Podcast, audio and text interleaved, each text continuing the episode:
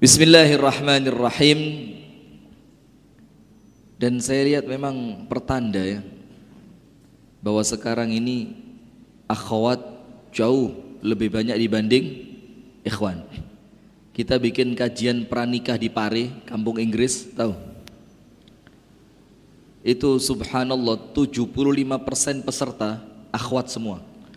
Dan ketika pulang semuanya nyerahkan CV untuk ta'arufan. Yang laki-laki 25% hari H mundur 10. Dan dari kira-kira 15 anak yang ngirim CV cuma dua. Artinya akhwat ini menanti keberanian antum. Bergerak antum ya. Assalamualaikum warahmatullahi wabarakatuh. إن الحمد لله نحمده ونستعينه ونستغفره ونستهديه ونتوب إليه. ونعوذ بالله من شرور أنفسنا ومن سيئات أعمالنا. من يهده الله فلا مضل له ومن يضلل فلن تجد له وليا مرشدا. أشهد أن لا إله إلا الله وحده لا شريك له. وأشهد أن محمدا عبده ورسوله صلى الله عليه وعلى آله وأصحابه ومن والاه. أعوذ بالله من الشيطان الرجيم. يا أيها الذين آمنوا اتقوا الله حق تقاته ولا تموتن إلا وأنتم مسلمون. اللهم أنت ربي لا إله إلا أنت خلقتني وأنا عبدك وأنا على عهدك ووعدك ما استطعت. أعوذ بك من شر ما صنعت. أبوء لك بنعمتك علي وأبوء بذنبي فاغفر لي. فإنه لا يغفر الذنوب إلا أنت. أمسينا على فطرة الإسلام وعلى كلمة الإخلاص وعلى دين نبينا محمد صلى الله عليه وسلم. وعلى ملة أبينا إبراهيم حنيفا مسلما وما كان من المشركين. أما بعد. اللهم إنا نسألك علما نافعا ونعوذ بك من علم لا ينفع اللهم علمنا ما ينفعنا وانفعنا بما علمتنا وزدنا علما wa hudan wa taufiqan amin. Ya rabbal alamin. Hadirin sekalian, teman-teman yang dirahmati oleh Allah Subhanahu wa taala, ikhwani wa akhwati fillah, rahimani wa rahimakumullah. Puji dan syukur alhamdulillah kita haturkan kepada Allah Subhanahu wa taala. Di mana atas limpahan nikmat karunia Allah kepada kita semua sehingga di sore hari ini kita dipertemukan oleh Allah di dalam majelis yang mulia ini dalam rangka menjalankan salah satu di antara perintah Allah yaitu talabul ilmi. Kita berdoa kepada Allah Ta'ala Kita meminta kepada Allah dan kita berdoa kepadanya Semoga Apa yang kita amalkan dan kita niatkan di sore hari ini mendatangkan ridha dari Allah Subhanahu wa taala untuk kita semua dan kemudian amalan ini oleh Allah diterima dan dicatat sebagai suatu ibadah. Amin ya rabbal alamin. Kemudian berikutnya salawat beriring salam semoga tercurahkan dan terlimpahkan kepada uswah kita Nabi besar Nabi agung An-Nabi Muhammad sallallahu alaihi wasallam. Beserta seluruh keluarganya beserta seluruh istrinya beserta seluruh sahabatnya dan seluruh di antara umat dan pengikutnya yang setia menjalankan sunnah menjalankan tuntunan dan menjalankan ajarannya ila yaumil qiyamah Hadirin sekalian, ikhwani wa akhwati fillah. Pengajian kita di sore hari ini ringan saja ya, tidak usah berat-berat karena beban hidup antum sebagai jomblo sudah terlalu berat. Jadi kita ringankan saja. Kita mau bercerita di sore hari ini mengenai jodohmu, cerminanmu. Jadi artinya siapa pasangan hidup Anda, Ya sudah, itu mencerminkan diri Anda. Kalau kemudian pasangan hidup Anda seorang wanita yang kurang kuat ibadahnya, itu karena memang diawali Anda yang memang tidak kuat di dalam ibadah. Apabila Anda memiliki suami yang kemudian emosional, boleh jadi memang itu cerminan diri Anda yang memiliki sifat yang emosional. Disebutkan di dalam hadis Rasulullah sallallahu alaihi wasallam ini dalil dari materi kita. Ufu ta'uffu nisaukum. Ufu itu artinya ifah. Ifah itu menjaga diri.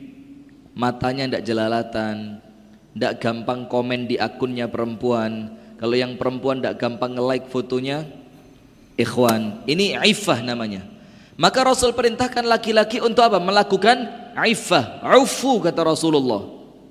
Muliakan diri kalian. Apa yang kalian dapatkan ta'ufu nisa'ukum, kalian akan dapat wanita yang mulia. Jadi kalau kita mau dapat istri yang baik atau kalau akhwat kepingin mendapatkan suami yang baik, maka tidak perlu repot mencari cukup pantaskan diri menjadi laki-laki dan perempuan yang baik maka rumusnya jalan. Jadi cukup anda pantaskan diri menjadi pribadi yang baik. Setelah anda baik rumusnya jalan. Rumusnya apa? tulis. Bikin status ya. Nanti tak like pertama kali. Like subscribe. Like share subscribe.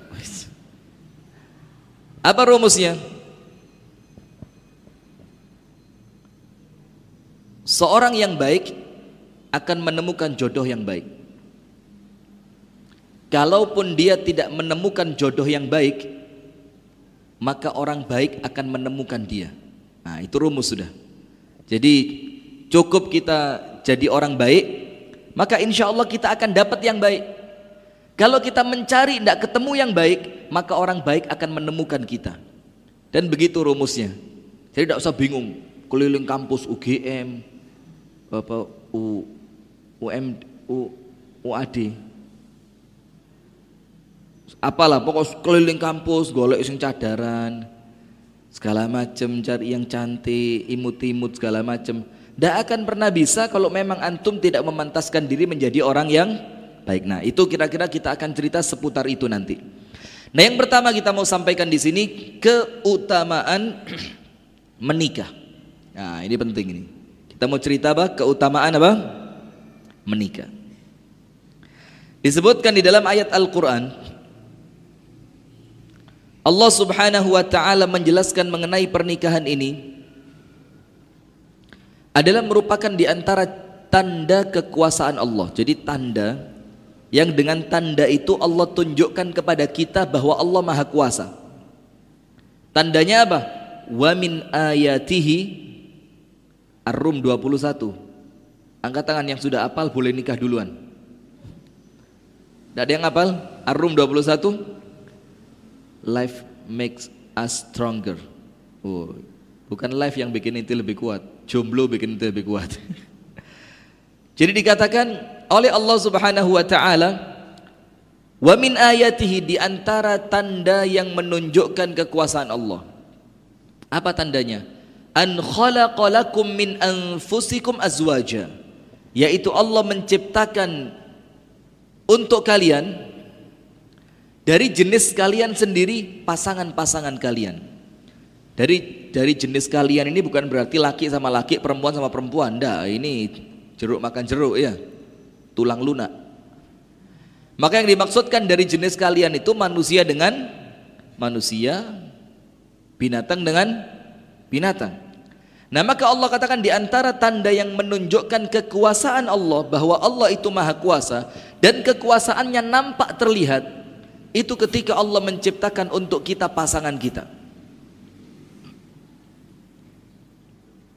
Litaskunu ilaiha supaya kalian mendapatkan apa? Sukun. Sukun itu apa sih? Sukun goreng ya. Sukun itu apa? Sakinah.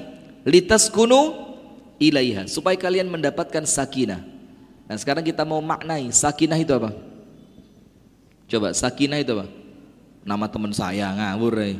Arti bahasa Indonesianya sakinah itu adalah keadaan di mana sebelumnya senantiasa bergerak, muter gerak terus, tiba-tiba keadaan itu berhenti, tek, dan dia tenang di tempat itu, itu namanya sakinah. Biasanya di rumah bingung keluar ke mana, ngopi sama siapa, ini mau hangout dengan siapa, mau outing ke mana, segala macam. Ketika sudah punya pasangan, Allah katakan sukun, dia tenang di rumah. Kenapa begitu? Buat apa keluar? Konjoni telepon, ayo ngopi yuk. Nah apa ngopi? Kita kayaknya bojoku di omah. Wih itu teman gondok sak gini itu. Mentang-mentang sudah nikah ini ya lupa sama saya katanya. Nah, maka sakinah artinya orang yang nikah itu Allah berikan ketenangan di dalam hatinya. Baik seorang laki-laki yang tenang karena istrinya atau seorang istri yang tenang karena suaminya. Maka banyak kisah mengenai ini. Banyak di antara para ulama itu yang istrinya lebih dari satu. Karena apa? Ada alasan yang cukup menarik. Karena seorang ulama, seorang alim, seorang mubalik itu kan kalau cari hiburan kan tidak pantas ke gedung bioskop kan nggak pantas. Loh, mau so ustad nang gedung bioskop. Mau nonton PSIM Yogyakarta ke stadion pakai gamis, oh dukunnya telat. Loh, dikira dukunnya nanti antum. Tidak pantas. Mau kemudian apa lagi? Tidak pantas. Maka hiburannya siapa? Istrinya. Nah maka itulah kenapa kemudian ketenangan ini muncul ketika kita punya pasangan. Selama tidak punya pasangan, para ulama salaf bilang apa? Laki-laki yang tidak punya istri, ya seperti antum-antum ini ya. itu kawarakis syajar yatiruha huna wa hunaka. Seperti daun pohon yang kering, daun kering, kemudian tertiup angin ke sana kemari. Ya percis seperti antum inilah minggu gini ahad begini bingung mau ke mana? Muter rono muter ini rono golek pengajian saya ngono mangan gratis semacam-macam. Oh itu keliling terus. Kenapa? Ini masih seperti daun kering yang terombang-ambing oleh angin. Coba antum nikah tenang di rumah. Dan tidak usah takut. Kami waktu di Libya dulu banyak teman-teman kami semester awal itu nikah semester awal berarti umurnya berapa kira-kira lulus SMA 18 ya. Kemudian i'dad lughawi 2 tahun. Takmili setahun, 12 eh, 18 20 21. Masuk semester 1 umur 21 itu nikah yang laki. Yang perempuan ya kira-kira 17 18 lah. Dan rata-rata yang pemberani Maaf ya ini sekedar contoh saja walaupun yang lain mungkin juga banyak tapi yang kami lihat yang pemberani itu rata-rata mahasiswa dari Makassar. Hmm, mentalnya keren. Angkat tangan Makassar. Makassar mana? Daunok Blas. Gak salah, gak rabi-rabi. Kemudian bagaimana cara mereka untuk menghidupi rumah tangga mereka? Santai mereka. Si laki-laki telepon bapaknya, Pak, saya sudah nikah. Atau ya sebelumnya izin dulu tentunya. Saya sudah nikah, tapi karena kami kuliah, maka tetap kirim seperti seakan-akan aku belum nikah. Tetap dikirimi per bulan. Si istri juga begitu, telepon bapaknya nanti dicontoh ya, besok langsung nikah ya. Telepon bapaknya juga, Pak saya kan sudah nikah nih, Tapi kan namanya kami masih kuliah, suami juga belum konsentrasi kerja. Maka tetap ya tolong dikasih kiriman seakan-akan saya belum nikah. Nah tapi kemudian dari duitnya dua orang ini nanti ngekosnya biasanya dua kamar, sekarang berapa? Satu kamar. Biasa makan beli, sekarang makan masak lebih murah. Artinya lama-lama insya Allah nanti antum bisa dapat tabungan lebih besar. Tidak usah takut. Kenapa? Karena tidak ada kaitannya antara nikah dengan duit. Tidak ada sama sekali kaitannya. Kenapa tidak nikah? Belum kerja Ustadz. Loh, apa rukun nikah harus kerja gitu? Mempelai putra, mempelai putri, wali putri, dua orang saksi, mahar, ijab kabul, kerja. Tidak ada kerja. Antum buka kitab fikih empat madhab, tidak ada syarat nikah atau rukun nikah itu kerja, tidak ada. Bahkan setelah nikah, antum sama Allah dikasih kerjaan minimal ngerjain istri. Dikasih kerjaan sama Allah, dibuka pintu-pintu rezeki sama Allah dibuka. Nah, maka yang pertama Allah Allah berikan untuk kita pasangan kita laki maupun perempuan supaya apa? Supaya kita mendapatkan ketenangan. Yang paling keren. Jangankan di dunia ya. Di surga saja. Yang semuanya lengkap. Semuanya lengkap. Dan semuanya nikmat. Semuanya keren. Tidak ada yang tidak enak. Itu pun ketika Nabiullah Adam alaihi salam tinggal sendirian.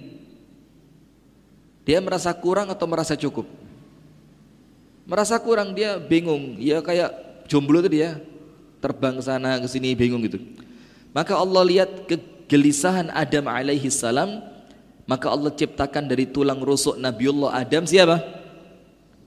Pasangannya yaitu ibunda Hawa. Di surga saja yang semua serba enak, semua serba lengkap, semua serba nikmat. Itu kalau laki-laki sendirian tidak enak, apalagi di kos-kosan. AC tidak ada mek bondo kipas angin. Kadang-kadang kipas angin juga muternya sudah mulai krek krek krek krek, krek mati diri. Krek krek krek krek, krek mati diri. Kadang-kadang antum ketiduran kewaget kipas angin nomor-nomor roto, Itu lebih butuh istri lagi. Dan perempuan juga begitu, Anda butuh suami. Sebagai apa? Tempat sandaran ketika galau. Ci. Jadi ketika galau gitu, ada pundak untuk bersandar. Bang, galau nih. Kenapa? Mantan datang. Loh, langsung disikat ya bojone. Kok ngawur curhat tentang mantan sama saya. Nah, maka sakinah, tenang. Yang sebelumnya bingung, sekarang tenang. Kemudian, litaskunu ilaiha wa ja'ala bainakum dan Allah menjadikan di antara kalian dan ingat ini ayat ceritanya setelah nikah bukan sebelum wa ja'ala bainakum Allah menjadikan di antara kalian dan ingat bahasa Al-Qur'an antara kalimat ja'ala dan kalimat khalaqa itu berbeda khalaqa itu Allah menciptakan ja'ala Allah menjadikan Terus bedanya di mana? Kalau khalaqa tidak perlu campur tangan manusia. Allah khalaqa syamsa diya'a. Menciptakan matahari bersinar. Antum mau bangun, mau tidur, antum mau malas, tetap matahari ada. Karena kalimatnya khalaqa. Tidak ada campur tangan manusia, mutlak Allah. Itu khalaqa. Sementara ja'ala itu Allah kasih fasilitas Tinggal kita pakai apa tidak. Contohnya, al-laila libasa wa ja'ala an-nahara ma'asha. Allah jadikan malam sebagai tempat untuk apa? Istirahat. Dan siang tempat untuk bekerja. Sekarang kalau orang malamnya begadang ya apa? Tidak masuk ayatnya. Artinya ayat ja'ala Allah menjadikan malam tempat istirahat itu Allah kasih fasilitas malam yang tenang, malam yang sejuk, malam yang nikmat dipakai apa tidak untuk istirahat. Kalau manusianya tidak bisa, tidak menggunakan fasilitas ini, maka tidak dapat waja'ala laila libasa. Sama seperti pernikahan, waja'ala bainakum dan Allah menjadikan di antara kalian suami dan istri Artinya di sini bukan khalaqa, Allah minta peran kita supaya rumah tangga kita betul-betul wa ja'ala bainakum mawaddatan wa rahmah. Sekarang lihat, bedanya mawaddah dengan rahmah apa? Insya Allah setelah pengajian ini nanti antum langsung ta'aruf maghrib nanti. Ukhti ta'arufan yuk. Maaf ya, anak udah dilamar, nangis. Waduh, kedisian. Maka jangan nunggu lama-lama, cepet nikah. Antum lama-lama itu nunggu apa sih? Nunggu lulus. Yo lek lulus, lek gak lulus. Nunggu kaya, yo lek soge, lek gak soge-soge. Nunggu apa lagi? Nunggu mati, tambah demen. Gak rabi-rabi temenan akhirnya ya. Nah, makanya Allah katakan dan Allah menjadikan di antara kalian dan ini setelah nikah mawaddah. Jadi kalimat cinta dalam bahasa Arab itu banyak. Jadi kalimat cinta dalam bahasa Arab itu banyak sekali. Ada hubbun, ahabba yuhibbu. Ada wuddun, mawaddah. Tapi kalau hub itu cinta luar. Maka kalimat orang yang pacaran itu ana uhibbuka. Saya suka sama kamu. Kalimat ini sekedar apa? Suka dari luar dan hati-hati.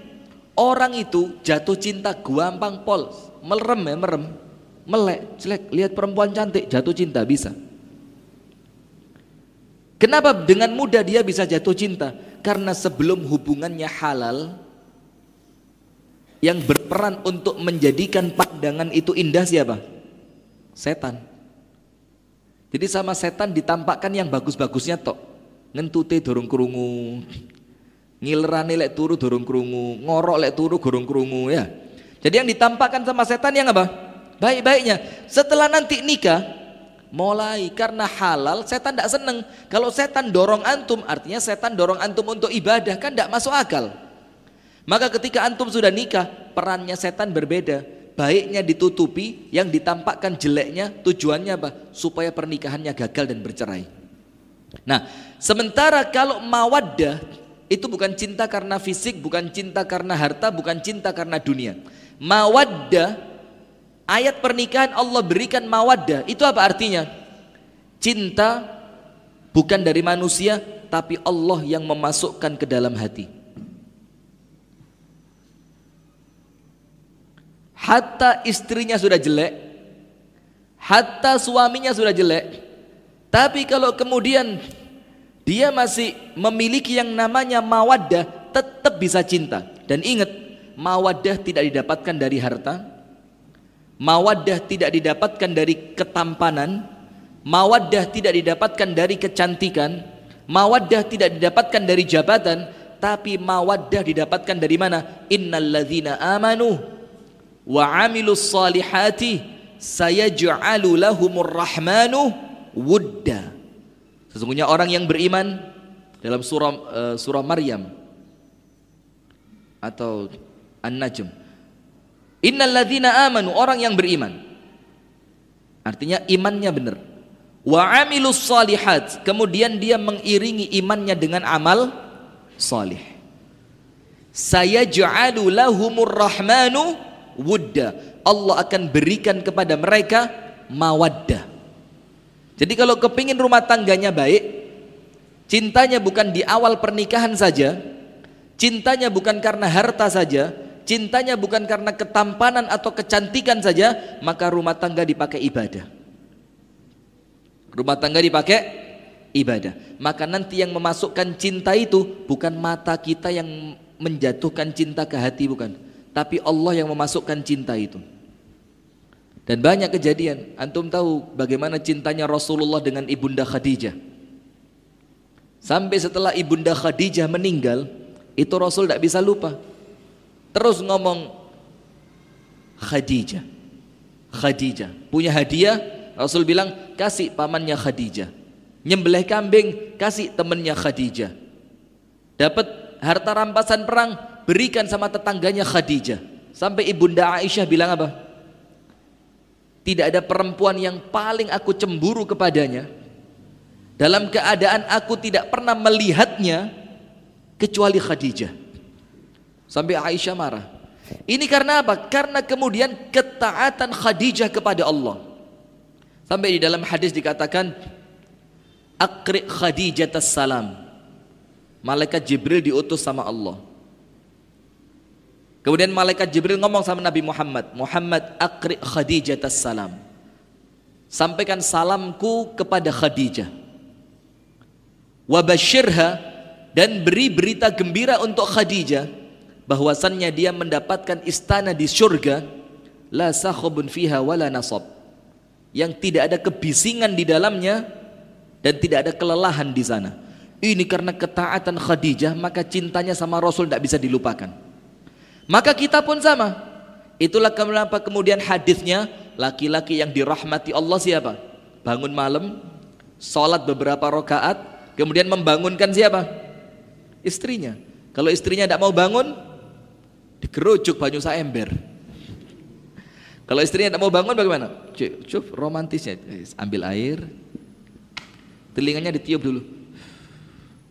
Honey, wake up. Wis keren. Kampung Inggris, maaf ya. Bangun, tiup telinganya. Enggak ah, mau bang ngantuk. Kerujuk no. Tapi bukan kerujuk. Diambil dikit di tangan, percikkan ke matanya. Nanti kemudian apa kata Rasulullah? Fasallaya ma'an. Mereka berdua salat bersama. Ini rumah tangga yang dirahmati Allah. Kenapa? Karena rumah tangga untuk ibadah. Dan sebaliknya siapa perempuan yang dirahmati Allah? Wis, jangan dibayangkan jomblo kesian, ngenes, Jonas. Siapa perempuan yang dirahmati Allah? Perempuan qamat minal lail, bangun malam. Fasallat, kemudian dia salat. Setelah dia salat beberapa rakaat, aiqadat zaujuha. Dia bangunkan suaminya. Fa in aba, kalau suami tidak mau bangun, bang bang bang, bangun dong, salat yuk. Suami tidak mau, capek. Habis kerja seharian. Maka sama istrinya apa? Nadahat fi wajhihil ma. Sama istrinya dipercikkan air ke wajahnya. Subhanallah, antum lihat ini rumah tangga seperti ini. Ini rumah tangga yang Allah masukkan ke dalamnya mawaddah. Yang tidak ada ceritanya pelakor di sini tidak ada. Tidak payu pelakor. Karena pelakor model tampang, sementara istri kita di rumah modalnya ibadah. Atau perempuan yang suka chattingan sama laki-laki yang bukan mahram, tidak payu laki-laki yang tukang gombal itu. Kenapa? Karena suami anda modalnya sholat tahajudnya. Nah itu mawaddah. Kemudian waja'ala bainakum mawaddatan wa rahmah. Rahmah itu apa? Rahmah itu kalau bahasa mudahnya perasaan tidak tega. Perasaan apa? Iba, kesian. Artinya begini. Ketika istri sakit, antum mikirnya begini, ya Allah, mendingan aku yang sakit dibanding aku lihat dia sakit ya Allah. Boy, keren. Itu namanya rahmah. Atau kalau suami sakit, istri mikir yang sama, ya Allah daripada suamiku yang sakit ya Allah, ndak tega ngelihatnya ya Allah, biar aku aja yang sakit ya Allah. Nah, ini rahmah ini kadang-kadang didapatkan bukan di awal pernikahan. Kalau di awal pernikahan munculnya cinta saja. Tapi rahmah ini akan muncul seiring berjalannya waktu ketika mereka mulai nyaman hidup bersama, maka mereka akan mendapatkan rahmah dari Allah. Nah, kemudian yang lainnya disebutkan mengenai keutamaan menikah. Disebutkan di dalam hadis yang sahih. Jadi tidak usah takut nikah. Thalathatun haqqun 'ala Allahi 'aunuhum. Ada tiga kelompok manusia yang wajib bagi Allah menolong mereka. Artinya disebutkan oleh para ulama ada tiga kelompok manusia yang wajib Allah menjamin rezeki mereka. Nomor satu, al-mujahidu fi sabilillah, orang yang berangkat jihad. Dijamin sama Allah rezeki suami dan dijamin sama Allah rezeki anak dan istri yang ditinggal di rumah. Tidak ada keluarga mujahid kemudian terlantar itu tidak ada. Karena Allah yang jamin rezekinya. Yang kedua, Al-mukatib yuridul af uh, al-mukatib apa al-mukatib itu? Al-mukatib adalah budak yang membeli dirinya dari tuannya. Jadi kan budak itu kan ada harganya. Misalkan dihargai 20 juta gitu. Lalu dia ngomong sama tuannya, "Tuan, di selain waktu aku yang kerja sama kamu, Tuan, aku akan kerja lagi." Tapi dari hasil kerjaku itu aku gunakan untuk mencicil diriku sampai nanti lunas aku berdeka. Ini sama Allah pasti dimudahkan dia untuk dapat rezeki.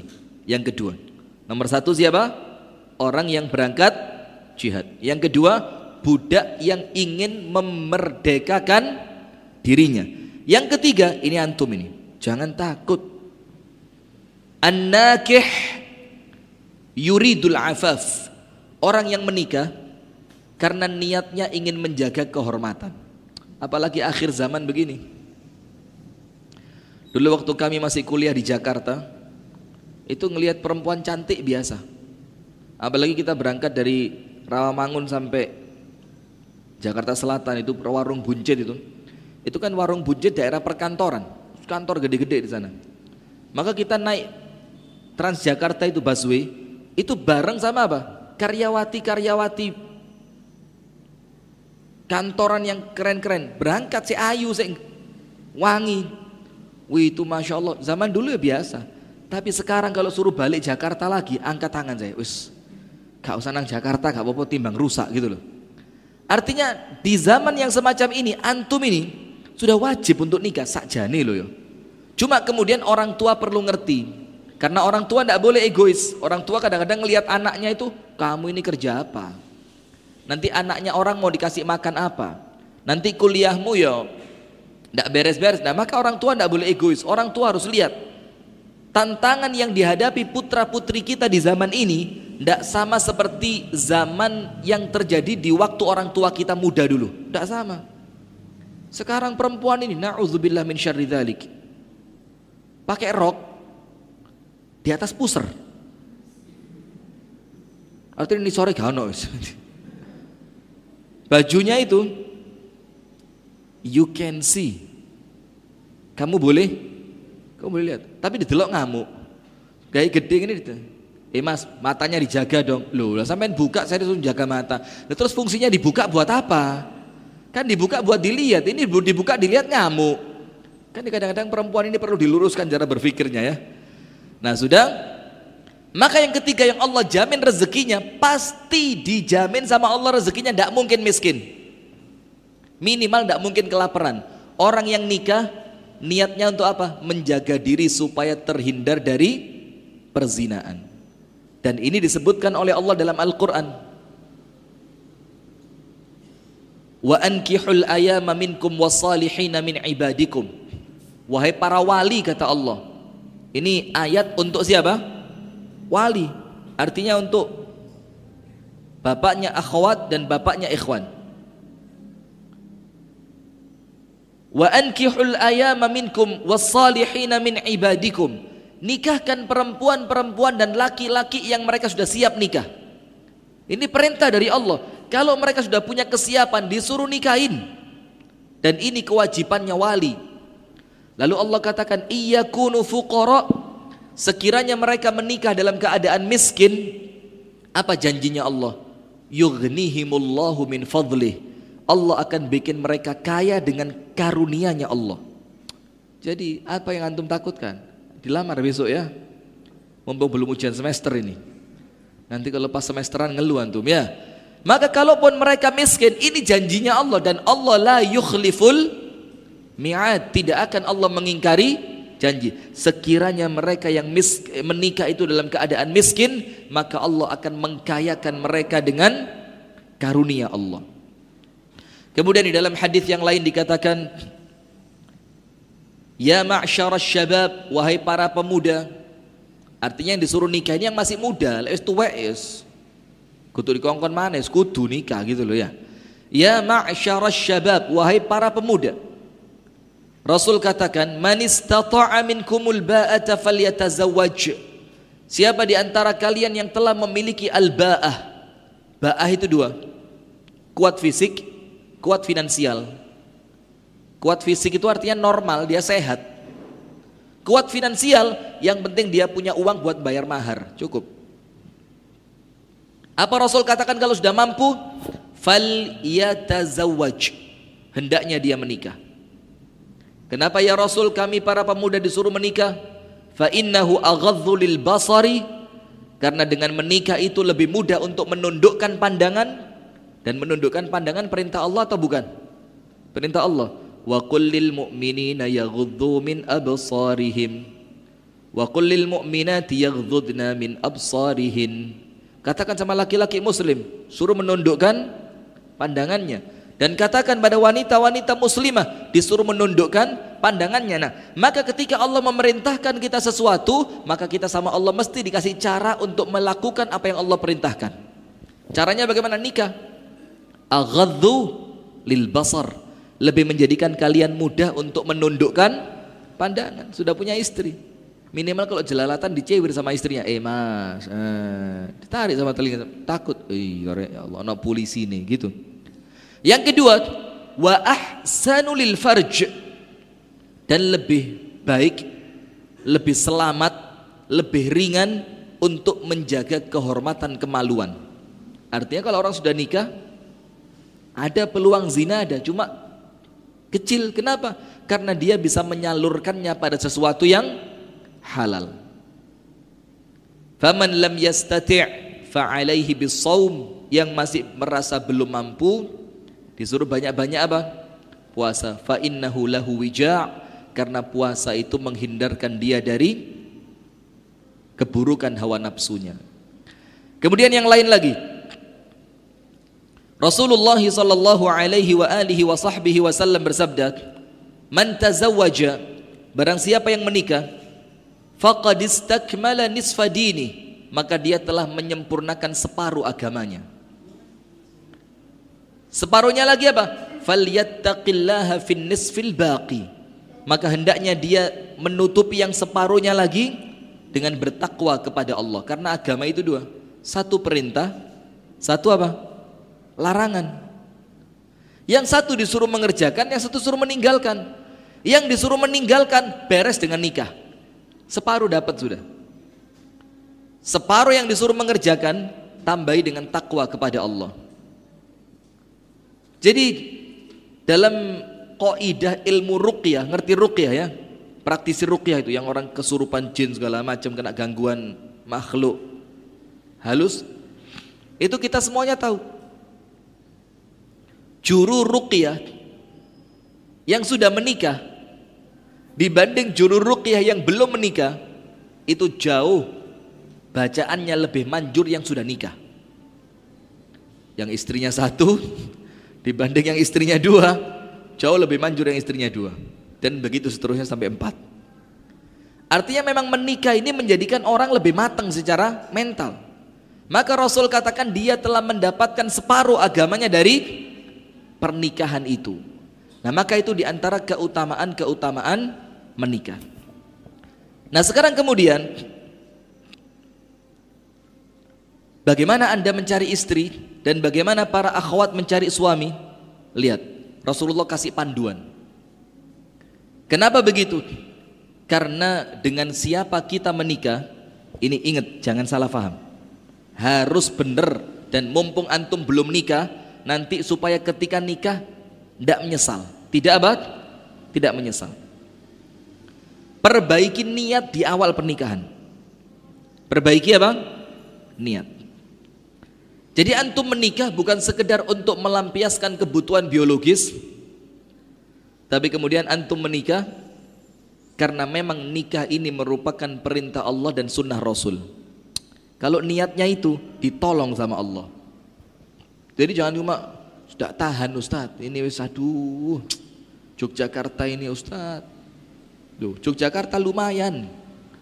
Antum pernah ke kampung Inggris? Masuk di sentralnya, di tengah-tengahnya itu, bu, lebih parah dibanding Bandung. Oh iya. Angkat tangan yang pernah ke kampung Inggris. Antum sempat ngelihat fenomena itu enggak? Enggak. Kampung Inggris palsu kali. Akhwat ada yang pernah kampung Inggris? Banyak ya kampung Inggris. Wih itu sekarang maka kita konsen dakwah di kampung Inggris sekarang. Kenapa? Karena rusak luar biasa. Nah, makanya kemudian ketika kita nikah niatnya baik sama Allah mesti ditolong. In nikah ini adalah ibadah yang saya mendekatkan diri kepada Allah dengan pernikahan. Pernikahan ini merupakan sunnah Rasul yang apabila saya mengikuti sunnah Rasul, Allah akan mencintai saya. Dan ingat, ketika antum milih pasangan, maka di sana ada gambaran bakal seperti apa putra putri antum nanti. Tidak sembarangan ini. Itulah kenapa kalau mau nikah, bikin audisi dulu. Bikin apa? Audisi. Misalkan ada 100 perempuan yang mau sama antum itu 100. Ada enggak? Atau jangan-jangan enggak ada yang mau sama antum. Misalkan 100 yang daftar itu diseleksi dulu. Ini apal 30 juz surat Ustaz, ah, bagus masuk seleksi. Ini 34 juz Ustaz, weh 34. Kok ngawur gitu 34, sing papa toleh kok endi nih. Nah maka diseleksi. Kenapa? Karena dengan siapa antum menikah, kalau laki-laki dengan siapa istri antum, kalau antum perempuan siapa suami antum, itu sudah muncul gambaran bakal seperti apa anak antum nanti. Itulah kenapa Rasulullah mengingatkan takhayyaru linutafikum. Pilihlah, maaf ya, di mana kalian meletakkan air mani kalian. Takhayyaru linutafikum, nutfah, air mani. Pilihlah di mana kalian meletakkan air mani kalian. Kenapa begitu ya Rasulullah? Kenapa kami disuruh milih-milih? Rasulullah katakan fa innal irqa. Karena urat saraf ini artinya apa gen ini Airik itu gen, genetik itu dasas. Dasas itu artinya sangat peka, tidak bisa dibohongin. Maka kalau antum kepingin punya anak pemain bola, maka nikahnya sama siapa? Ya orang-orang yang kesehariannya dekat dengan sepak bola. Mungkin pemain bola, mungkin pelatih bola, mungkin wasit. Paling apes uang sing kerja di pabrik bal. Bentuknya kelibal terus. Kenapa begitu? Karena ada gambaran saya nikah sama dia, nanti anak saya seperti apa? Laki-laki juga begitu. Kalau kepingin punya putri yang atau putra yang hafid Al-Quran, maka cari istri yang sesuai. Kenapa? Karena dengan siapa antum menikah, di situ sudah muncul gambaran anakku nanti seperti apa. Karena begini, lihat ada dua. Bibitnya unggul, tanahnya tidak subur. Bisa maksimal tidak? Maksimal enggak? Bibitnya unggul, keren, bibitnya terbaik, tapi tanahnya tandus, tidak maksimal dia.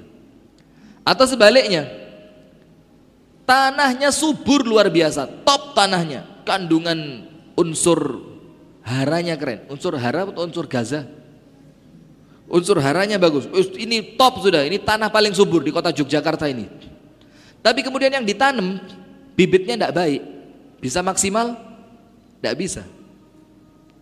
Terus bagaimana biar maksimal? Cari bibitnya unggul, letakkan di tanah yang subur. Bibitnya laki-laki, tanahnya siapa? Perempuan. Maka Rasulullah kata, maka Allah berfirman, nisaukum harthul lakum. Istri kalian itu tempat kalian bercocok tanam. Diibaratkan begitu sama Allah karena apa? Ini tanahnya dan ini bibitnya. Maka kalau mau buahnya keren, harus dua-duanya bagus. Itulah kenapa nikah tidak boleh sembarangan maka sama Rasul diingetin kita tunkahul mar'atu li arba'in perempuan dinikahi karena berapa? empat nomor satu. Li jamaliha karena kecantikannya. Nomor dua. Wali maliha karena hartanya. Cantik terus harta. Yang ketiga wali hasabiha anak keturunannya siapa? Yang keempat wali diniha agamanya. Dan satu, dua, tiga, empat yang paling penting yang mana? Yang paling penting yang mana? Tapi elek lu, gelem ah. Agamane wapi tapi elek, gelem. Merongos. Mau ndak? Sudah lihat. Rasul katakan, "Fadfar bidzatid din taribat yadak." Pilihlah perempuan yang ngerti agama, maka selamat tangan kalian. Karena pertanyaan buat laki-laki, Kenapa agama yang paling penting tapi Rasul letakkan di nomor yang paling akhir? Seharusnya kalau kita ngomong prioritas, yang paling penting ditaruh di mana? Paling atas. Biar tidak lupa, biar diperhatikan. Tapi kenapa ini yang paling penting tapi Rasul letakkan yang paling bawah? Kenapa? Yang bisa jawab dapat hadiah umrah. Bismillah.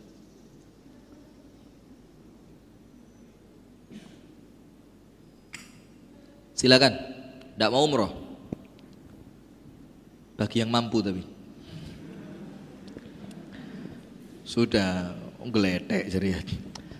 Maka apa hadirin sekalian, ini Rasulullah Shallallahu Alaihi Wasallam meletakkan agama yang paling penting di poin paling terakhir itu untuk menunjukkan keadaan manusia nanti di akhir zaman. Dan kalau kita ngomong akhir zaman bukan nanti, yo ini tempatnya. Hari ini zamannya. Kenapa begitu? Karena orang itu nikah, agama itu menjadi pertimbangan yang paling terakhir. Betul enggak? Misalkan begini.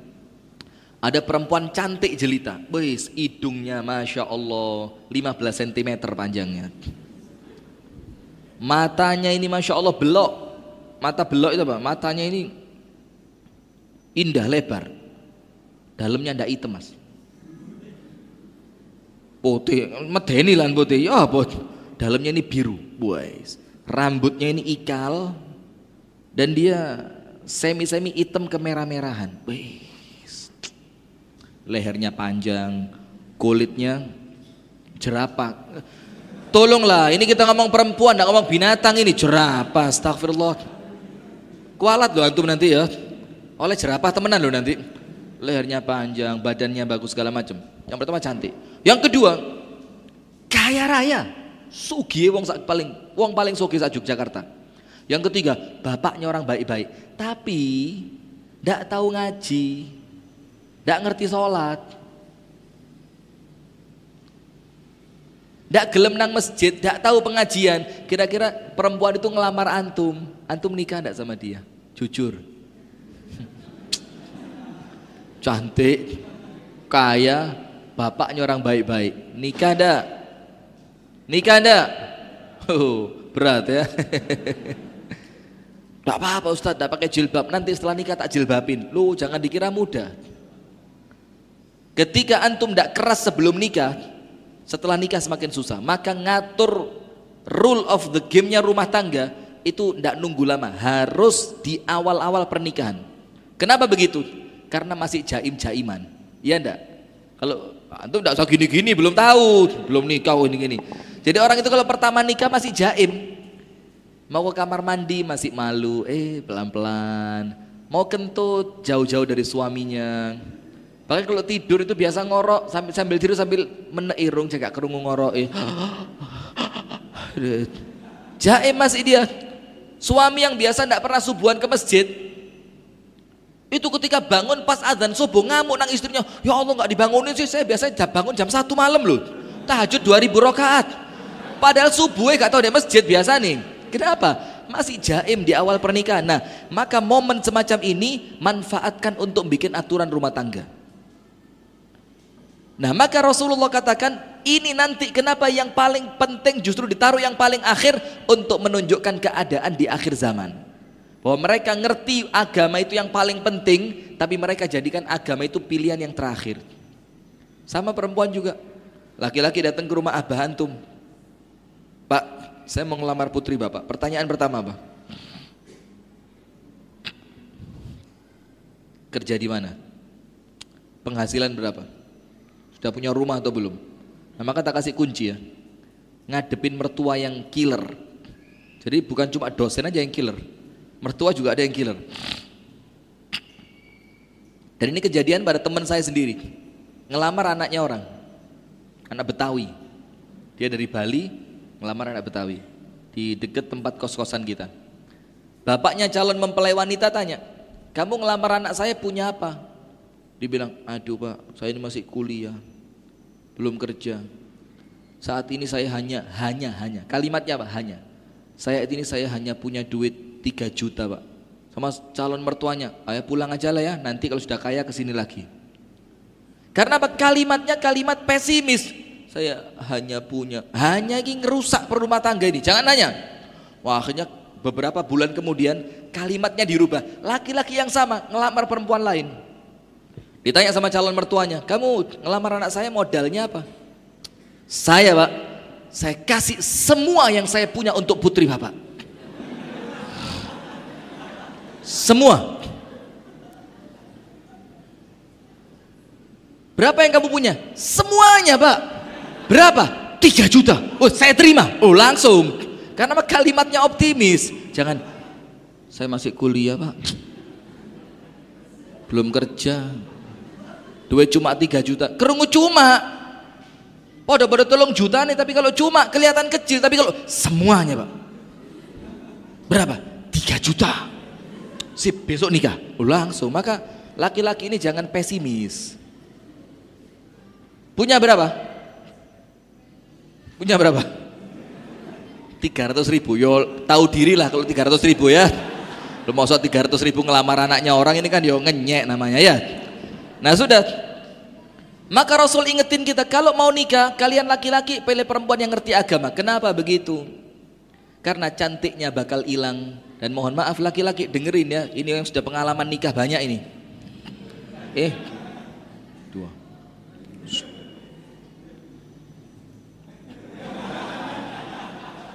Sudah?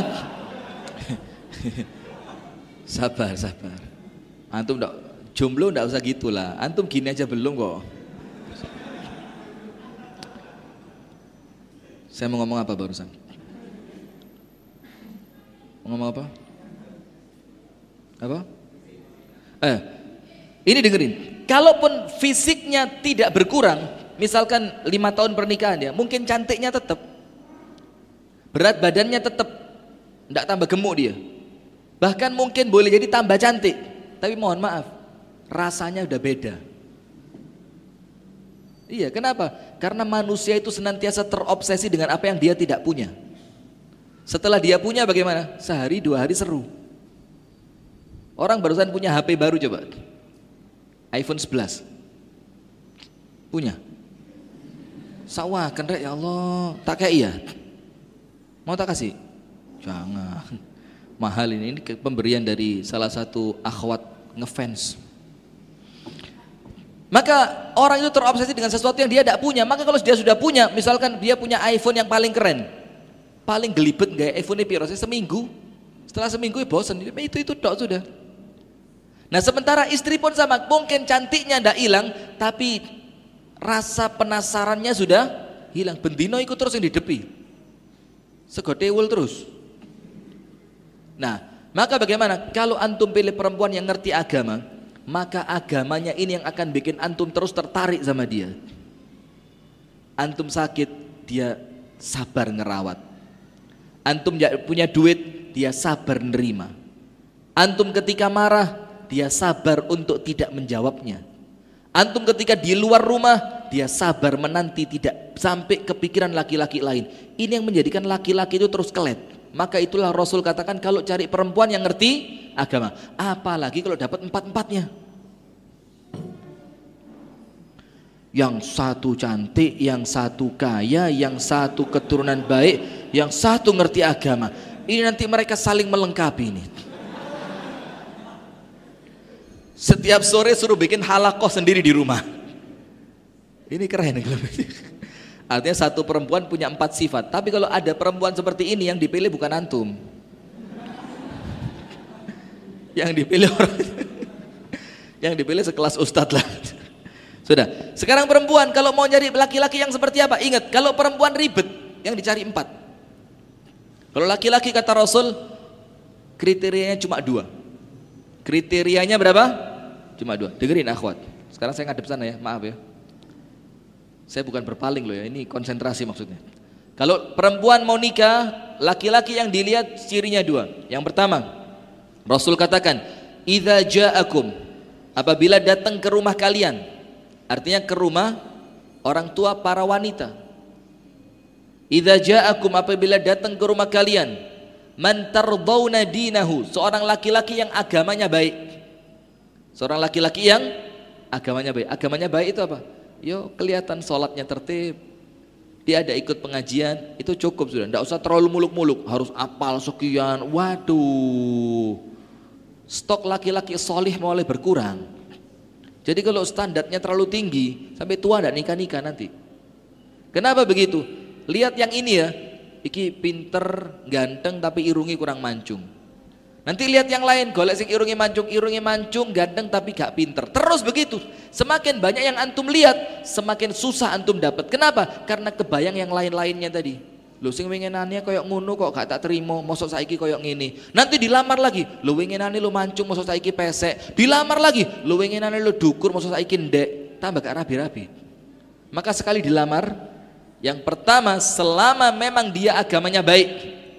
Yang kedua, idza ja'akum man tardawna dinahu wa khuluquhu fazawwijuhu dan akhlaknya baik. Akhlak baik itu apa? Tidak pernah terlihat terang-terangan melakukan dosa besar.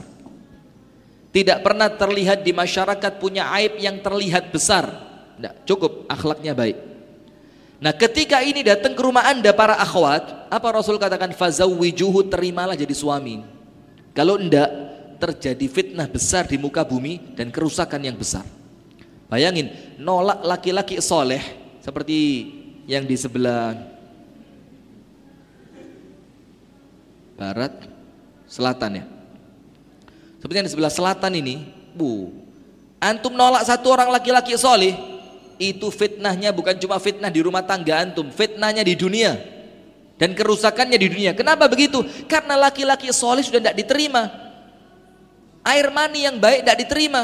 Akhirnya yang diterima yang jelek, muncullah keturunan yang jelek, lama-lama dunia bagaimana? Rusak. Nah maka itu bagaimana Rasul mengajarkan kita untuk mencari kriteria calon suami dan istri. Karena tak cerita nih. Kenal Abu Dhar Al-Ghifari? Iya tahu tahu. Saya salah ngomong. Tahu Abu Dhar Al-Ghifari tahu? Abu Dhar yang banyak dipuji oleh Rasulullah. Kalau antum cari kitab hadis, pujiannya Rasul kepada Abu Dhar ini luar biasa. Yang dengan pujian itu menjadikan Abu Dhar kalau ngelamar perempuan mana pun pasti diterima. Pasti diterima, tidak mungkin ditolak. Tapi ketika Abu Dhar mau nikah, salah satu pujiannya Rasul apa? Ma aqallatil ghabra wa ma adhallatil khadra afsah lahjah min Abi Dhar. Tidak ada seorang manusia pun yang tinggal di atas bumi dan di bawah langit yang kalau berbicara lebih fasih dibanding Abu Dhar. Dan pujian-pujian yang lain banyak. Dan untuk tahu ketika Abu Dhar mau nikah teman-temannya dikumpulkan Abu Dhar bilang begini uriduz zawaj saya mau nikah. Kemudian Abu Dhar ngomong sama teman-temannya fabhathuli an din. Carikan untuk saya yang bakal saya jadikan istri saya perempuan yang ngerti agama Bayangin kriterianya satu. Ndak ngerti agomo, wayu, dukure minimal satu puluh loro, berat badan tinggi 192 itu berat badannya 37. Gitu yang bendera ini ya. Sudah? Ndak, Abu Dhar kriterianya cuma satu. Perempuan yang ngerti agama. Temennya nyeletuk. Dikira temennya Abu Dhar ndak bakal mau. Dibilang apa? Ya Abu Dhar. Innali amatun saudaun zatudin Abu Dhar aku punya budak perempuan. Hitam amah sauda. Sudah budak hitam dan mohon maaf ya akhwat ya. Kalau namanya budak jangan mikir perawan enggak karena budak itu tuannya berhak untuk menggaulinya. Dan kalau tuannya butuh duit tuannya boleh menyewakan dia pada laki-laki untuk diambil duitnya. Itu dalam hukum perbudakan. Jadi kalau namanya budak ya wis mungkin tidak lagi apa? Tidak lagi gadis. Item budak tidak gadis. Tapi perempuan itu innali amatun saudaun zatudin. Tapi perempuan yang aku ceritakan ini agamanya luar biasa. Ini temennya ngetes dikira Abu Dhar tidak akan mau. Karena Abu Dhar ini kalau mau cari perempuan cantik gampang. Ternyata jawabannya Abu Dhar mengagetkan mereka uriduha. Saya mau sama dia. Kaget temennya. Seriusan ente? Serius? Akhirnya di dandanin itu perempuan dinikahkan dengan Abu Dhar. Setelah beberapa tahun, teman-temannya Abu Dhar datang lagi ke rumahnya Abu Dhar. Datangnya untuk apa? Yo, semi-semi membuli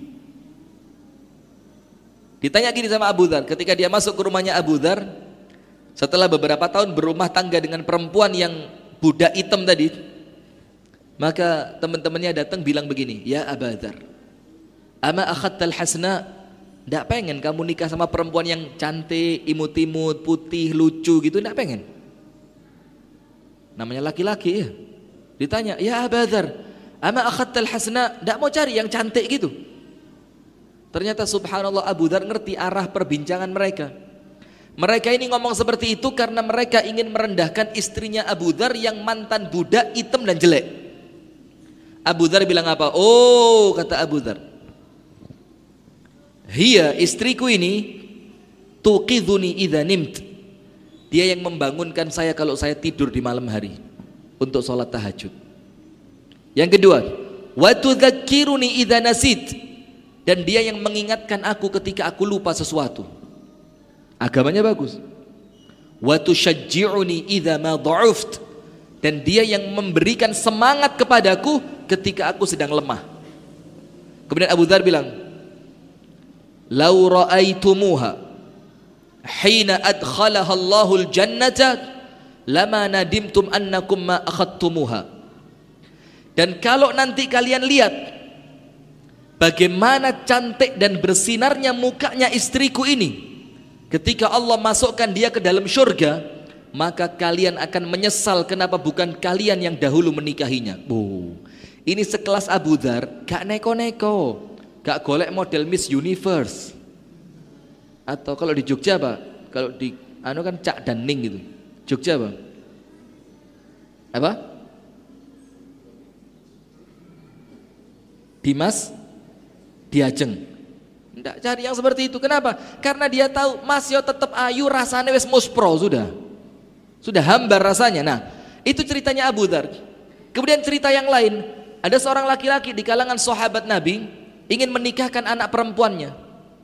Itu apa pertanyaan? Sudah ada masuk berapa? Ini saya baru pembukaan loh ini.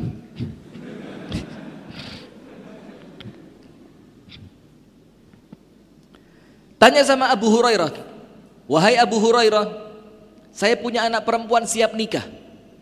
Saya punya anak perempuan siap nikah.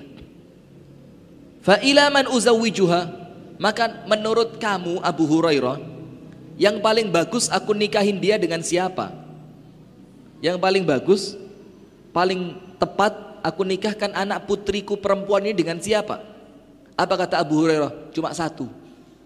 Zawwijha at-taqi nikahkan putrimu dengan laki-laki yang bertakwa. Jadi ini menunjukkan bagaimana kriteria itu kadang-kadang tidak perlu terlalu ruwet gitu loh. Nikahkan putrimu dengan siapa? Laki-laki yang bertakwa. Laki-laki ini tanya, walimat taqi. Kenapa aku nikahkan dia dengan laki-laki yang bertakwa? Abu Hurairah mengatakan, sekiranya suaminya mencintainya, maka dia akan memuliakan anakmu. Sekiranya suaminya tidak mencintainya, minimal orang bertakwa tidak akan berani menzolimi istrinya. Artinya kalau nikah sama orang bertakwa, tidak mungkin sedih. Kalau dia cinta dimuliakan anda, kalau dia tidak cinta minimal anda tidak akan dizolimi. Tidak akan kasar, tidak akan dicuekin, tidak akan dicemberutin. Itu kalau nikah sama orang yang bertakwa. Nah sekarang begini, antum silakan buka surah An-Nur 26. Buka surat apa? An-Nur ayat 26.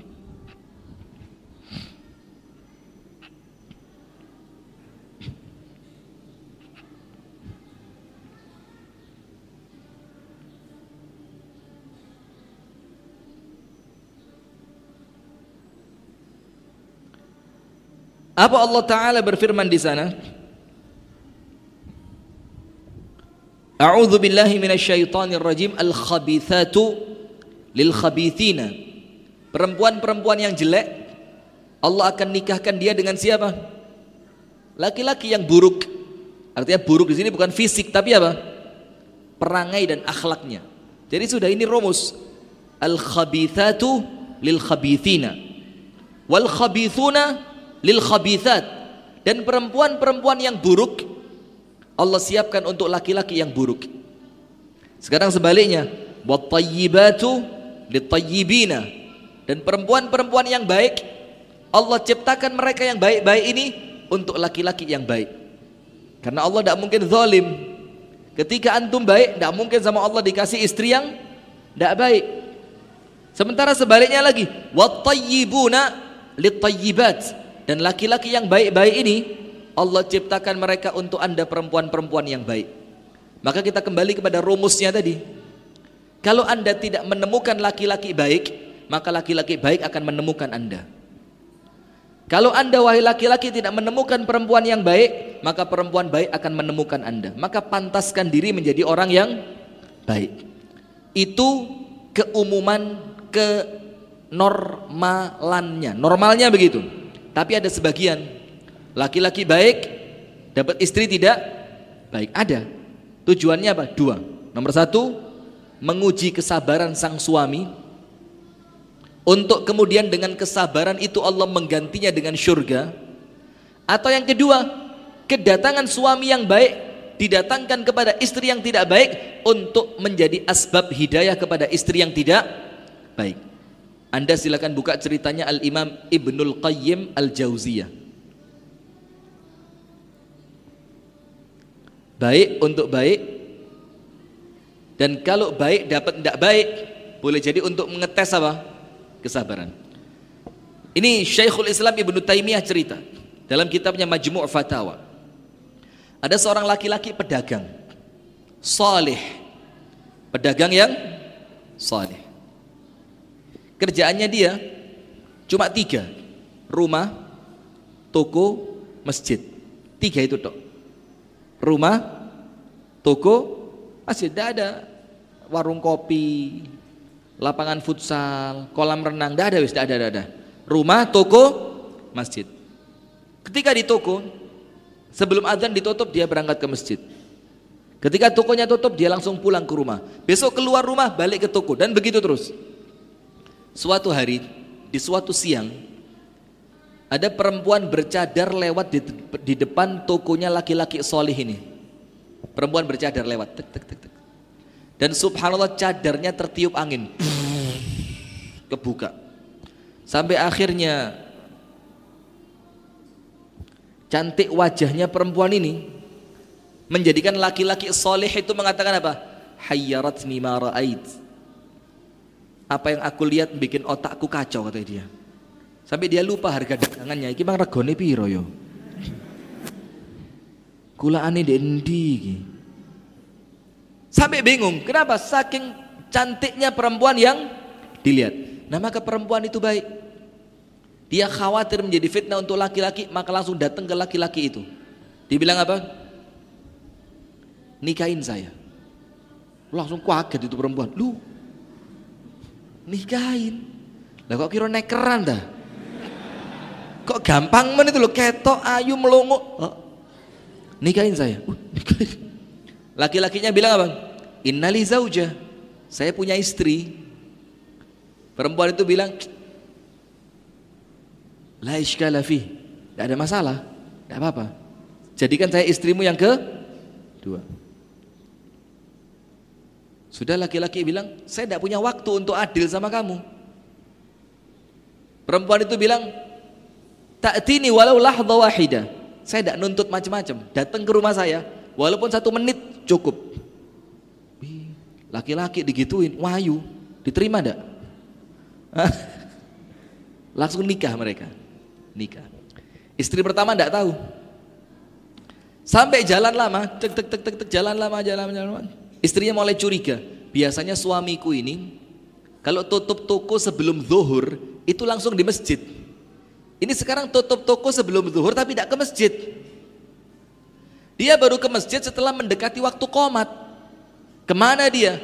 Dikirimkan budaknya. Coba diawasin tuan kamu ke mana? Ini istri pertama curiga. Diikuti sama budaknya. Tokonya tutup, ternyata masuk rumahnya perempuan. Lu, perempuan. Tanya sama tetangganya. Itu perempuan siapa? Diceritain Fulana binti Fulan. Terus laki-laki yang masuk, Zaujuha, suaminya. Ah? Suaminya? Iya suaminya. Nikah. Beberapa bulan yang lalu sudah nikah. Ah. Apa yang terjadi? Itu budak laporan sama tuan putrinya. Tuan putri ternyata kecemburuanmu, apa? kecurigaanmu terbukti. Suamimu sudah nikah lagi. Lihat perempuan baik. Istri pertamanya bilang apa? Sekarang kita sudah tahu bahwa tuan kita sudah nikah lagi. Tapi ingat, jaga rahasia. Jangan tampakkan kecurigaan apa pun yang menunjukkan kita sudah tahu bahwa dia nikah lagi. Wes, tetap normal seperti biasa. Kenapa? Kalau dia tidak memberitahu, artinya dia tidak ridho kalau kita tahu. Maka tunjukkan seakan-akan kita tetap tidak tahu, hidup normal seperti biasa. Tetap suaminya pulang dilayani seperti tidak ada kecurigaan sama sekali dari suami bahwa istrinya sudah tahu. Tiap hari begitu, terus begitu. Subhanallah apa yang terjadi? Suatu hari suaminya sakit. Sakitnya parah. Ini istri pertama bingung, ya Allah kesiannya istri kedua. Dia tidak tahu kalau suami kita sedang sakit. Apalagi tidak bisa keluar rumah. Ini lihat istri baik, ah jangan guyang-guyu kualat ke kenaan temenan kok. Dipikir kesiannya ini adik madu saya ini. Kan mainnya kakak adian ya. Kesiannya ini adik madu saya ini kan dia tidak tahu suaminya sakit. Dikira dia apa nanti suaminya tidak datang ke sini. Mikir, apa tak beritahu ya? Akhirnya diurungkan, wis jangan wis. Kenapa? Kalau tak beritahu, nanti suamiku tahu bahwa aku sudah tahu bahwa dia nikah lagi. Dan dia tidak mau saya tahu. Wis tidak tak beritahu lah, biarinlah saya rawat saja. Dan sakitnya berapa? Tiga bulan. Tidak datang ke rumah istri yang kedua. Dalam keadaan istri pertamanya risau, aduh kesiannya ya apa beritahu dia supaya suamiku ini tidak tahu kalau aku sudah tahu dia nikah lagi, bingung dia. Sampai subhanallah suaminya meninggal. Setelah suaminya meninggal, prosesi prosesi pemakaman selesai, apa yang terjadi? Bagi waris kan? Saudagar kaya. Maka dibagikan warisnya untuk anak-anaknya semua dan untuk istrinya. Setelah istrinya dapat, istri pertama dapat, sama istri pertama itu warisannya dibagi dua. Karena istrinya suami saya ada berapa? Dua. Dikasihkan budak, masih ingatkan rumahnya dia? Ingat. Ini kamu kirimkan ke tempatnya dia, bilang minta maaf ya. Suami kita tidak datang ke rumah kamu bukan karena zolim, tapi karena dia sakit dan kemarin meninggal dunia. Ini warisan jatah kamu. Berangkat budak. Coba bayangkan kalau istri anda begitu pak. Keren tidak kira-kira? Berangkat ketuk itu tuh Perempuan keluar, tanya kamu siapa? Saya budaknya suami kamu. Hmm? Suami saya? Iya suami kamu. Disebutkan namanya Fulan bin Fulan. Iya, saya kenal sama dia. Sudah? Lalu disodorkan duit yang sangat banyak. Ini uang untuk kamu. Loh, kenapa? Karena suami anda kemarin meninggal dan ketika warisnya dibagi, Jatahnya istri yang separuh oleh istri pertamanya dikasihin buat kamu sebagai istri keduanya. Dan dia minta maaf bahwa suamimu tidak datang ke rumahmu tiga bulan ini bukan karena zolim tapi karena dia sakit parah. Langsung sama istri keduanya uangnya ditolak. Dan saya tidak mau duit ini. Dikembalikan. Kembalikan kepada tuan putrimu. Kenapa? Ternyata saya sudah diceraikan oleh suami saya percis tiga bulan yang lalu. Dan sekarang saya tahu alasannya kenapa dia menceraikan saya bukan karena dia benci, tapi karena dia yakin setelah ini dia tidak bisa datang lagi, khawatir zalim, maka saya sudah diceraikan. Akhirnya uangnya dikembalikan. Subhanallah. Ini artinya apa? Uang itu api dikumpul nombi Allah be uang sing api-api. Lihat suaminya soleh ndak? Soleh. Istri pertamanya nurut sama suami. Istri keduanya luar biasa. Inilah at-tayyibatu lit-tayyibina wat-tayyibuna lit-tayyibat. Yang baik untuk yang baik, yang buruk untuk yang buruk. Tapi cerita yang lain bleset tinggi. Laki-lakinya baik, seorang alim. Ini diceritakan dalam kitab Siyar A'lamin Nubala oleh Al-Imam Az-Zahabi. Riwayatnya kuat. Itu pertanyaan apa surat cinta? Kok warnanya keren gitu? Sudah? Ada seorang alim, alim besar. Ma'ruf, masyhur. Alim besar. Sudah? Nikah sama perempuan. Ternyata subhanallah istrinya jahat. Jahat. Tidak nurut sama suami. Tukang bentak. tidak taat sama suami, luar biasa sudah. Apa yang terjadi? Teman-temannya ngomong, ceraikan. Karena istrimu tidaklah kami lihat kecuali sudah pantas untuk diceraikan. Suaminya bilang, lah, ahtasibu ajraha indallah. Karena apa? Aku tidak menceraikan dia. Aku berharap pahala kesabaranku ini oleh Allah dicatat. Sudah sampai punya anak. Singkat cerita anaknya dewasa laki-laki nikah sama perempuan. Sampai perempuan menantunya bapak ini tadi datang ke rumah mertuanya. Pak, saya mau tanya satu sama kamu, Pak. Apa yang mau kamu tanya? Saya heran ya. Kamu kok bisa punya anak sesabar itu? Kamu kok bisa punya anak sebaik itu? Kamu kok bisa punya anak sehebat itu? Tidak pernah marah, tidak pernah cuek, tanggung jawab luar biasa, ibadahnya keren, sabarnya luar biasa. Saya mau tanya, biar saya punya anak yang sama seperti anak kamu. Bapaknya bilang apa? Aku dapat anak sehebat itu karena kesabaranku atas keburukan ibunya. Jadi ada laki-laki baik yang Allah kumpulkan dengan perempuan yang tidak baik. Tapi untuk apa? Untuk supaya laki-laki yang baik itu memberi mendapatkan pahala sah, sabar. Maka Abdullah ibnu Abbas mengatakan, fa in karihtumuhunna sekiranya kalian membenci istri kalian, fa'asa an takrahu syai'an wa yaj'alallahu fihi khairan katsira. Apabila kalian benci sama istri kalian, Allah bilang boleh jadi dari yang kalian benci dari istri kalian itu Allah berikan kebaikan untuk kalian yang luar biasa. Artinya ojo gampang-gampang cerai. Abdullah bin Abbas menafsirkan ayat ini apa? Barang siapa di antara suami bersabar atas kekurangan istrinya, Allah gantikan kesabarannya itu dengan anak-anak yang solih dan solihah. Begitu pula istri yang sabar atas kekurangan suaminya, Allah gantikan kesabarannya dengan anak-anak yang menyenangkan hatinya. Nah, itu artinya begitu hadirin. Jadi memang kalau mau jadi orang baik, jangan nanggung. Karena Allah itu akan senantiasa adil kepada hambanya. Tidak mungkin laki-laki baik kecuali Allah berikan kepada perempuan baik. Kalaupun ternyata tidak baik, maka Allah kuatkan antum untuk sabar dan itu pasti. Dan itu pasti. Maka apa? Jodohmu cerminanmu. Sekarang kita baca beberapa pertanyaan. Sebenarnya masih banyak ada beberapa cuma kita lihat waktu ya, waktu yang sudah mendekati maghrib. Saya lihat pertanyaan semua dari sebelah sana tadi. Yang laki-laki tidak mau nulis. Wis cek kapok ya, kasar kayak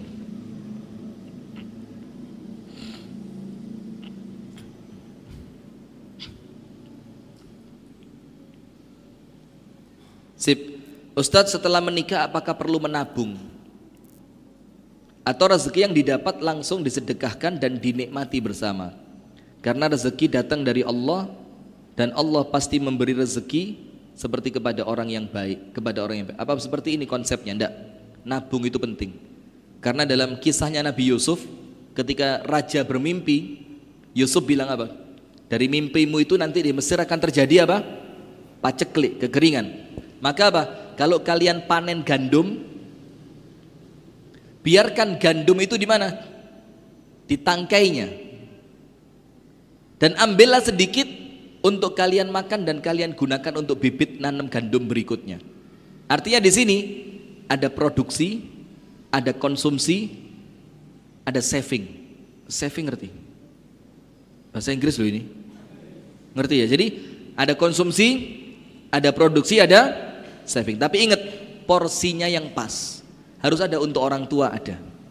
Untuk fakir miskin ada. Untuk menyenangkan suami dan istri harus ada.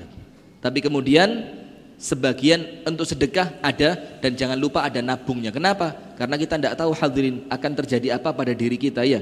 Jadi jangan sampai blunder sodako yakeh pas onok masalah malah ngutang. Paham ya? Jadi tetap soda apa nabung boleh. Masya Allah cerpen ini. Ustadz apakah menikah? Uh. Oh, Ustadz apakah menikah itu harus belajar ilmu tentang menikah dulu? Wajib. Al ilmu qablal qawli wal amal. Wajib punya ilmu sebelum berbicara dan beramal. Apalagi urusan nikah. Nikah kok coba-coba. Hah? Harus punya ilmunya. Teman saya sudah menikah tapi setahu saya belum belajar ilmu menikah. Sehingga waktu menikah kemarin resepsinya standing party. Buis, keren. Ada di sini. Ada standing party di sini. Menabrak waktu sholat dan lain-lain. Saya memberi buku dan memberi info kajian tentang rumah tangga. Tapi sepertinya belum kajian karena sepertinya masih bekerja. Bolehkah saya meminta saran Ustadz? Sarannya apa? Jadi gitu, memang wajib menikah itu ngerti ilmu. Kenapa?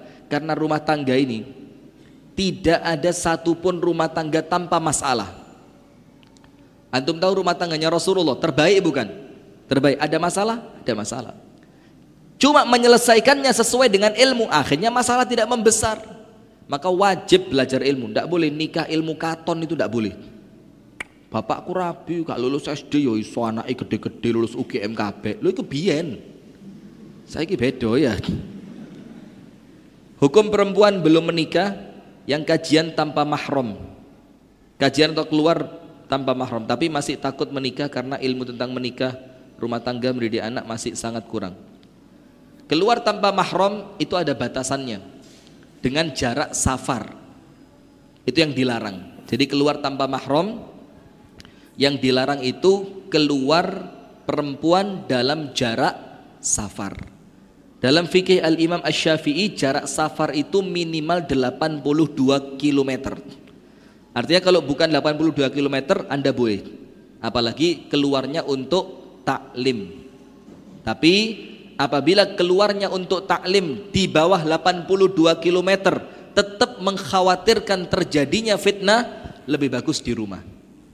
Karena apa? Antum bisa taklim tanpa hadir. Dengan apa? YouTube, Google, Instagram dan yang lainnya. Wallahu taala a'lam bishawab. Ustadz, apakah jodoh kita adalah orang yang menikahi kita? Gini mesti melu-melu gini gini. gini. Kakek ngurungan Ustadz Handi Boni yang ini malian. Iya, Ustadz Boni ini aduh pinter. Ngomongnya keren. Lantas bagaimana dengan orang yang bercerai? Keren. Jodohmu ya orang yang menikah sama kamu. Terus bagaimana kalau bercerai? Ya jodohnya habis. Sesimpel itu ya sesimpel itu jadi orang yang menikah dengan anda ya itulah jodoh anda kalau cerai ya artinya perjodohannya selesai Sebagaimana segala sesuatu itu ada batas waktunya, ada ajalnya, maka pernikahan pun ada. Ada yang berpisah karena kematian, betul tidak? Terus apa apa kalau mati bilang oh, ini bukan jodoh saya mati berarti? Ya enggak juga dan kematian sama cerai sama. Artinya perpisahan, betul enggak? Jadi kalau cerai artinya perjodohannya sudah habis. Wallahu taala a'lam bisawab. Ahlan wa sahlan ahlan bik. Masya Allah. Ahlan wa sahlannya ada titik dua kurung tutup. Artinya apa? Gini. Ahlan wa sahlan, ahlan bik. Mohon pencerahan. Ya mumpung masih sore ya masih cerah ini. Dalam rangka mengendalikan perasaan yang notabene gampang baper. Saya melakukan beberapa amalan. Such as, weh keren, Inggrisnya keluar. Maaf ya, kalau bahasa Inggris jangan sama saya. Tak makan bahasa Inggrismu. Seperti puasa. Ternyata keep up the consistency. Melakukan amalan itu bagi saya lebih sulit dibandingkan memulainya. Jadi konsistennya lebih susah dibanding memulainya istiqomahnya dan itu rumus memang istiqomah itu susah mulai gampang mulai sehari ngaji satu juz gampang tapi istiqomahnya yang susah sementara jodoh masih UTW wah ini orang keren ini Jodoh masih OTW. OTW ke rumahnya perempuan lain. Persepsi saya ingin menikah agar ada yang menyemangati ketika imannya turun. Seringnya turun sih. Ya nggak usah dijelasin lah. ini lucu ini anak ini jelas lucu ini. Bagaimana pandangan Ustadz? Nah jadi begini. Kalau memang belum dirasa mampu menikah, Rasul katakan apa? Puasa. Karena dengan puasa itu meredam nafsu. Tapi ingat, kalau ternyata puasa pun akhirnya tidak kuat, artinya nikah tidak bisa, puasa tidak kuat, ngomong sama orang tua, saya perlu nikah. Apalagi perempuan, perempuan enak, manut suami beres, kasih makan-makan dari kasih makan puasa. Jadi begitu. Dan untuk istiqomah, memang istiqomah itu berat. Kalau ringan itu istirahat. Jadi gitu ya istiqomah berat. Maka kalau emang dirasa nikah juga belum berani, jodohnya masih OTW, puasa tidak mampu istiqomah, maka ngomong sama orang tua. Karena apa? Anda bertanggung jawab atas kebaikan Anda sendiri. Jangan korbankan hanya karena malu ngomong sama orang tua. Assalamualaikum warahmatullahi wabarakatuh. Waalaikumsalam warahmatullahi wabarakatuh. Afwan Ustadz, nak bertanya aneh-aneh wong Jogja iki yo. Nomor satu, apakah menikah itu perlu kesiapan? Ya perlu nemen. Ya apa? Lu sembrono arek-arek gitu. Apakah pernikahan itu perlu? Ya perlu persiapan. Melihat teman-teman yang sudah menikah, mereka belum siap tapi berani nikah. Loh, kalau berani nikah ya siap. Ini pertanyaan, aduh, ini Pertanyaan bertolak belakang ini, kerancuan berpikir ini. Siapa yang tanya tadi? Mereka belum siap tapi berani nikah. Lo kalau berani berarti ya opo Yogyakarta rere. Lalu bagaimana menanggapi ikhwan yang berniat ingin melamar tapi ketika kita merasa bahwa dia tidak sekufu dengan kita, jangan nikah. Kalau ikhwan ngelamar tapi tidak sekufu karena tidak sekufu ini memberatkan. Sekufu itu apa sih? Yang standar, sesuai dengan antum. Karena kalau tidak sekufu biasanya berat. Beratnya kenapa? Diajak ngomong, tidak nyambung. Tidak sekufu. Kemudian ketika istrinya hafid al hafidho al Quran, suaminya ikro satu belum lulus. Ketika suami latihan baca Quran, alif la, bang lamnya panjang, uh serem dia. Alif lam kepanjangan bang. Lu lu lu lu wakilnya gak wani ngaji kenapa? Kedukuran bojo. Maka cari yang sekufu. Ya memang menikah harus dengan yang sekufu semoga Allah terus merahmati Ustadz amin wa iyaki semoga anda juga amin ya rabbal alamin pertanyaan untuk Ustadz ya jelas lah buat siapa ini lihat Masya Allah Yogyakarta ini ya di luar ekspektasi saya. Assalamualaikum Ustaz. Waalaikumsalam warahmatullah. Ustaz beri kami nasihat. Lah iki mang dawan-dawan iki mang apa? Ini tadi semuanya nasihat ini. Beri kami nasihat ketika kami dapati ketaatan eh, ketetapan Allah begitu menyesakkan dada. Bu dan menumpahkan air mata. Ini kenapa ya? Saya salah tema atau salah tempat di antara dua ini. Dan menumpahkan air mata. Beri kami nasihat agar iman ini semakin kuat, semakin yakin kepada Allah. Nah, dengerin. Ayatnya jelas. Allah katakan di dalam Al-Qur'an mengenai apabila ketetapan Allah tidak sesuai dengan apa? Dengan keinginan kita. Allah katakan apa?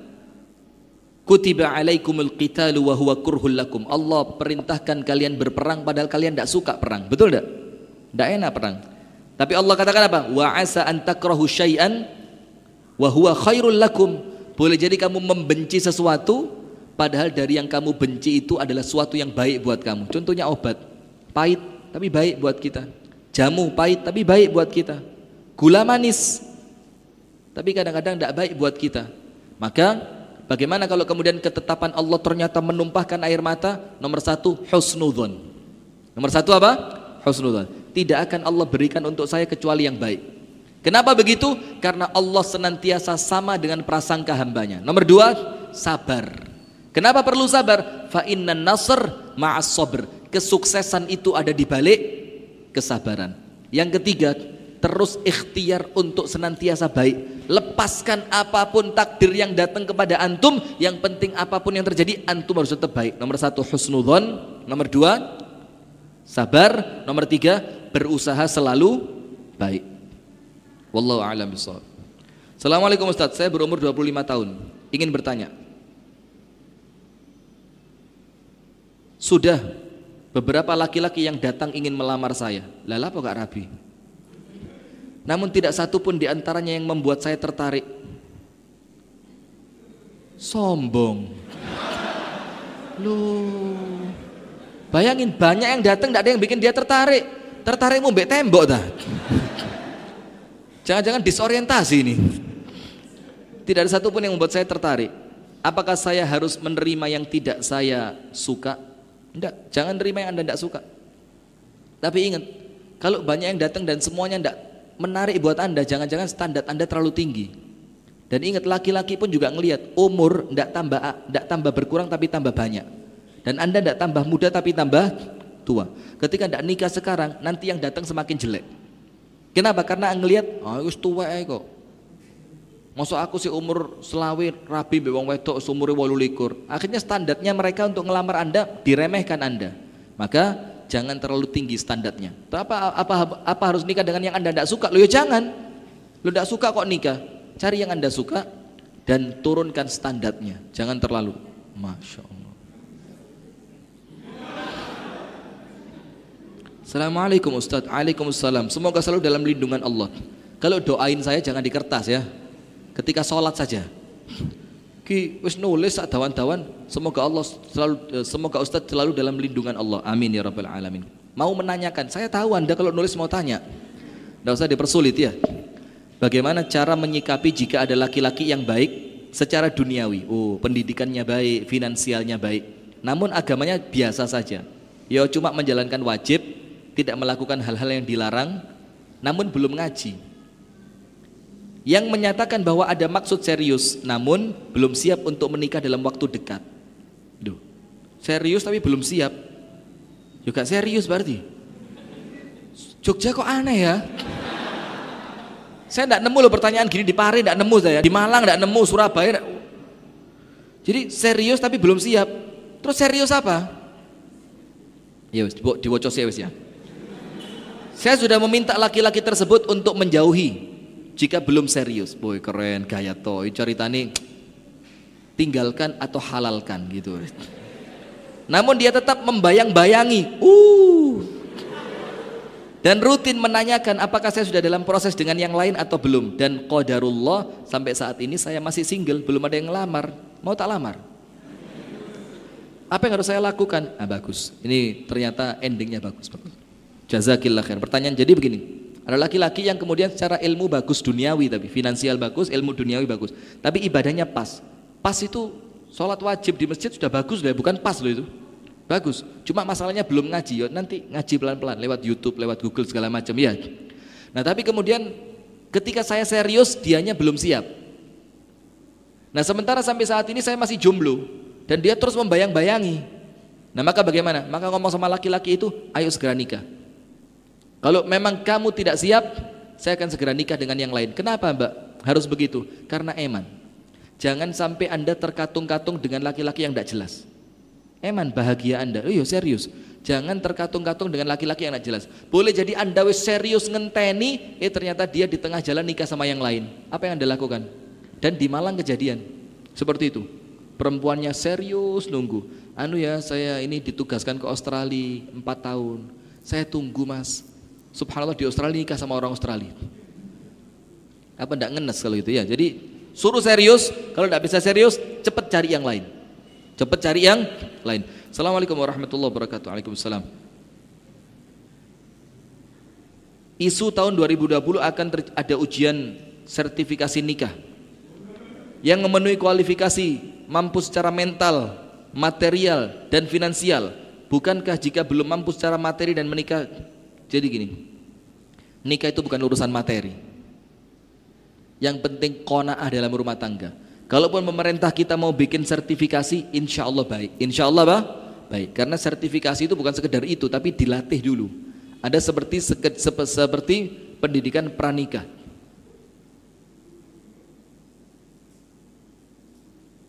Tak foto nih, tak kirim ke istri saya. Tulisannya wapi kayak nulis puisi. Jadi begitu. Jadi sertifikasi dari pemerintah ini kan kita juga belum tahu seperti apa nanti ya. Maka jangan spekulasi dulu. Insya Allah ada kebaikannya dan dilatih dulu sebelum nikah ya. Saya ingin bertanya, saya seorang akhwat masih SMA. Bagaimana cara menata hati yang terlalu berharap kepada ikhwan? Si SMA harus berharap sama ikhwan. Sebenarnya dulu saya dan si ikhwan deket, saling balas chatting, bahkan sering membuat puisi tentang dia tapi Ustadz, saya tahu itu salah dan akhirnya saya lebih menjaga jarak dan komunikasi dengannya. Jadi jaga komunikasi. Kata teman-teman saya, si ikhwan juga ada rasa pada saya. Setan yang ngomong bukan teman. Tapi saya masih tidak percaya. Jadi apa yang harus saya lakukan Ustadz? Tanya serius apa enggak? Enggak serius tinggal. Sesimpel itu. Cuma saya tertarik tulisannya wapi, masya Allah. Kenapa tidak bikinin puisi buat saya? Ngarep, ini tulisannya. Jadi begitu. Sesimpel itu, jangan dibikin ruwet. Jadi ceritanya teman-teman, ini si Ikhwan juga ada rasa sama saya. Tapi kemudian Ikhwan ini masih dianggap belum mampu, dianggap belum apa? Belum mampu. Maka tanya sama dia apa adanya, serius dah. Kalau serius saya tunggu nikah, kalau tidak serius, saya mau cari yang lain. Kenapa? Sama seperti yang pertama. Usia Anda, Mbak, Pak, tidak tambah mundur, tapi tambah maju. Artinya, kalau tidak nikah sekarang, semakin tua. Dan orang itu kalau sudah tua, tentu orang yang dipilih mikir-mikir. Betul tidak? Kurang lebihnya mohon maaf, semoga ada manfaatnya. Sudah dekat dengan maghrib. Mohon maaf ya kalau ada salah-salah ya. Mungkin bercandanya keterlaluan, mungkin ada kalimat-kalimat yang kurang sopan. Karena nanti untuk minta maaf sama orang sebanyak ini susah di akhirat ya. Jadi sebelum kita pisah, kalau ada salah-salahnya mohon maaf. Semoga ada manfaatnya. Hadanallahu wa iyyakum ajma'in. Subhanakallahumma wa bihamdika. Ikhwan tidak usah tanya ya, salamu dewe kak kalian nulis. Subhanakallahumma wa bihamdika asyhadu an la ilaha illa anta astaghfiruka wa atubu ilaik. Assalamualaikum warahmatullahi wabarakatuh.